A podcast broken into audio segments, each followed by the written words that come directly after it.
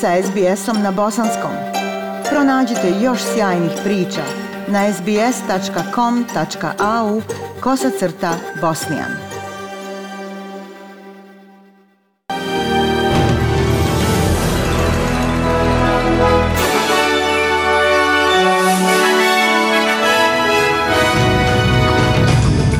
Današnjim vijestima poslušajte 13 smrtnih slučajeva povezanih s COVID-om u posljednja 24 sata širom Novog Južnog Velsa i Viktorije.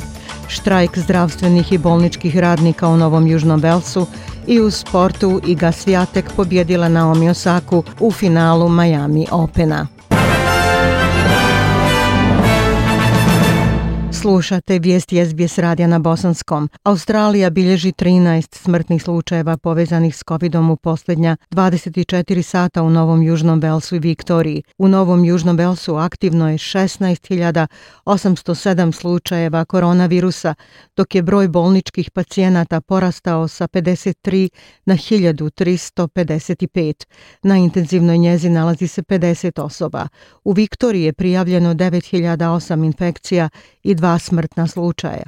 Broj pacijenata sa koronavirusom u bolnici porastao je za na 1 sa 307. Na intenzivnoj je 18 osoba. Nacionalna vakcinacija od sutra ulazi u sljedeću fazu sa četvrtom dozom dostupnom određenim grupama.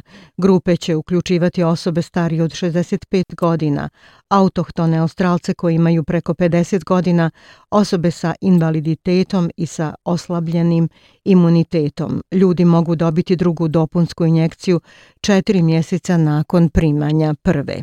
Hiljade zdravstvenih radnika Novog Južnog Velsa napustit će posao tražeći veće plate od vlade u četvrtak nakon štrajka bolničara i medicinskih sestara. Povećanje plata u javnom sektoru zakonski ne može premašiti 2,5%, ali sindikat zdravstvenih usluga tvrdi da to nije dovoljno s inflacijom od 3,5%. Sekretar sindikata zdravstva Novog Južnog Belsa Gerard Hayes kaže da zdravstvenim radnicima ne treba još jedan političar kojim se zahvaljuje što su heroji pandemije, već im je potrebno povećanje plata. On kaže da će planirana akcija u četvrtak uključivati zaustavljanje rada na 4 sata u velikim gradskim i 2 sata u regionalnim bolnicama. Sindikat kaže da će se u štrajk uključiti svi radnici u zdravstvu. Blagajnik u Sjeni Jim Chalmers odbacio je povećanje poreza u slučaju da laboristi pobjede na izborima u maju, osim njihovog dobro označenog plana za saradnju sa drugim zemljama usmjerenim na multinacionalne kompanije. Govoreći danas u oči predizbornog skupa laburista u Brisbaneu, dr. Chalmers kaže da je njegova stranka u više navrata rekla da poreznu politiku koju je preduzela na prošlim izborima neće primijeniti na ove. Jasno smo stavili do znanja da nemamo nikakvih prijedloga za povećanje poreza osim što radimo s drugim zemljama kako bi porezki režim multinacionalnih kompanija bio pravedniji. Postoji drugi načini da se nosimo s ovim nasljeđem od triliona dolara duga. Postoji drugi načini da odgovorimo financijama naše obaveze tako da radimo pravu stvar kroz budžet ljude i njihovu ekonomiju. Blagajnik Josh Freidenberg kaže da je njegova vlada radila na multinacionalnoj agendi i stvaranju minimalnog globalnog poreza kroz organizaciju za ekonomsku saradnju i razvoj. Vijesti svijeta. Ukrajina je jučer saopštila da je zauzela sva područja oko Kijeva, držeći potpunu kontrolu nad glavnim regionom po prvi put otkako je Rusija pokrenula invaziju. Kako su se ruske snage pregrupisale za bitke na istoku područja sjeverno od Kijeva, bila su prepuna uništenih ruskih tenkova. Savjetnik ukrajinskog predsjednika Arestović kaže da su trupe njegove zemlje ponovo zauzele više od 30 gradova i sela, otkako se Rusija povukla iz tog područja ove sedmice. Predsjednik Zelenski kaže da je sve više ukrajinskih nacionalnih zastava koje se viore na područjima koja su bila privremeno okupirana. Naši zahisniki i zahisnici... Naši branitelji nastavljaju da vraćaju kontrolu nad zajednicama u Kijevu i Černjegovskoj oblasti. Sve je više nacionalnih ukrajinskih zastava koje se viore na područjima koje su bila privremeno okupirana. Ukrajinske oružane snage ne puštaju osvajače da odu bez borbe. Jačamo odbranu u istočnom pravcu i u Donbasu. Svjesni smo da neprijatelj ima rezerve da pojača pritisak na istoku. Rusija je svoje povlačenje snaga u blizini Kijeva prikazala kao gest dobre volje u mirovnim pregovorima koji su posljednji put održani u petak. Ukrajinske trupe krenule su u subotu sjeverni od glavnog grada Kijeva, zauzevši položaj u gradu Buča nakon što su preuzele teritoriju od ruskih snaga – Novinari Associated Pressa izbrojili su šest tijela civila duž ulice i prednjeg dvorišta jedne kuće. Ukrajinski vojnici podržani kolonom tenkova i oklopnih vozila pričvrstili su kablove na tijela i povukli ih sa ulice bojeći se da bi mogli imati eksplozivne naprave. Stanovnici grada rekli su da su civile ubili ruski vojnici. Jedan stanovnik kaže da su ruske snage neselektivno ubijale civile. Prohodili da im Ti ljudi su samo prolazili i pucali na njih bez ikakvog razloga. U susjednom naselju Stekolka bilo je još gore. Pucali su na civile bez riječi. Dok se ruske snage povlače iz regije glavnog grada Ukrajine, trupe koje se povlače stvaraju katastrofalnu situaciju za civile, ostavljajući mine oko kuća, napuštenu opremu i čak tijela ubijenih, upozorio je u subotu predsjednik Zelenski.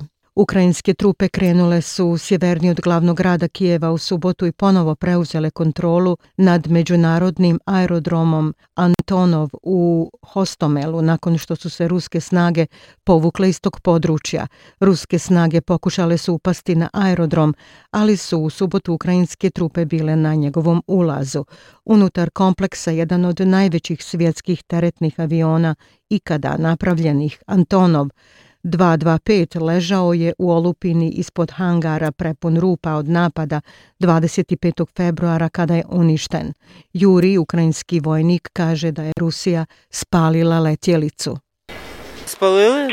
Zato što Spalili su ga jer niko ne zna kako da dizajnira ovakav avion osim nas i niko ne može napraviti ovakav Antonov osim naših ljudi. To je moje mišljenje. Tu su ostaci šest oklopnih vozila na obližnjem polju.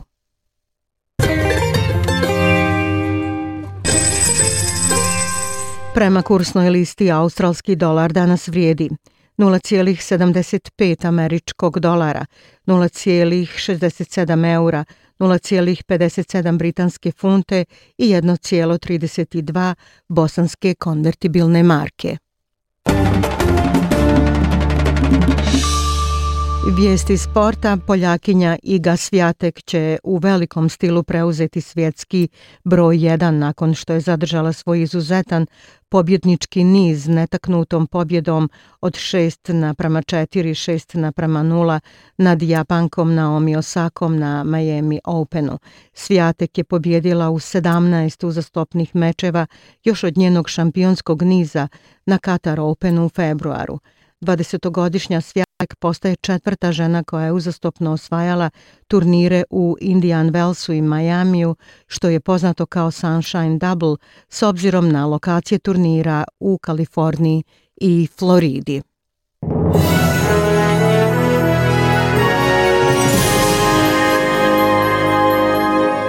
I za kraj poslušajte temperaturne vrijednosti za veće gradove u Australiji u Pertu kišovito 28, u Adelaidu oblačno 24, Melbourneu oblačno također 19, Hobartu 18, u Kamberi pljuskovi 19, u Sidneju sunčano 26, u Brisbaneu uglavnom sunčano 29 i u Darwinu 34 stepena. Bile su to vijesti SBS radija na bosanskom jeziku. Ja sam Aisha Hadži Ahmetović. Ostanite i dalje s nama.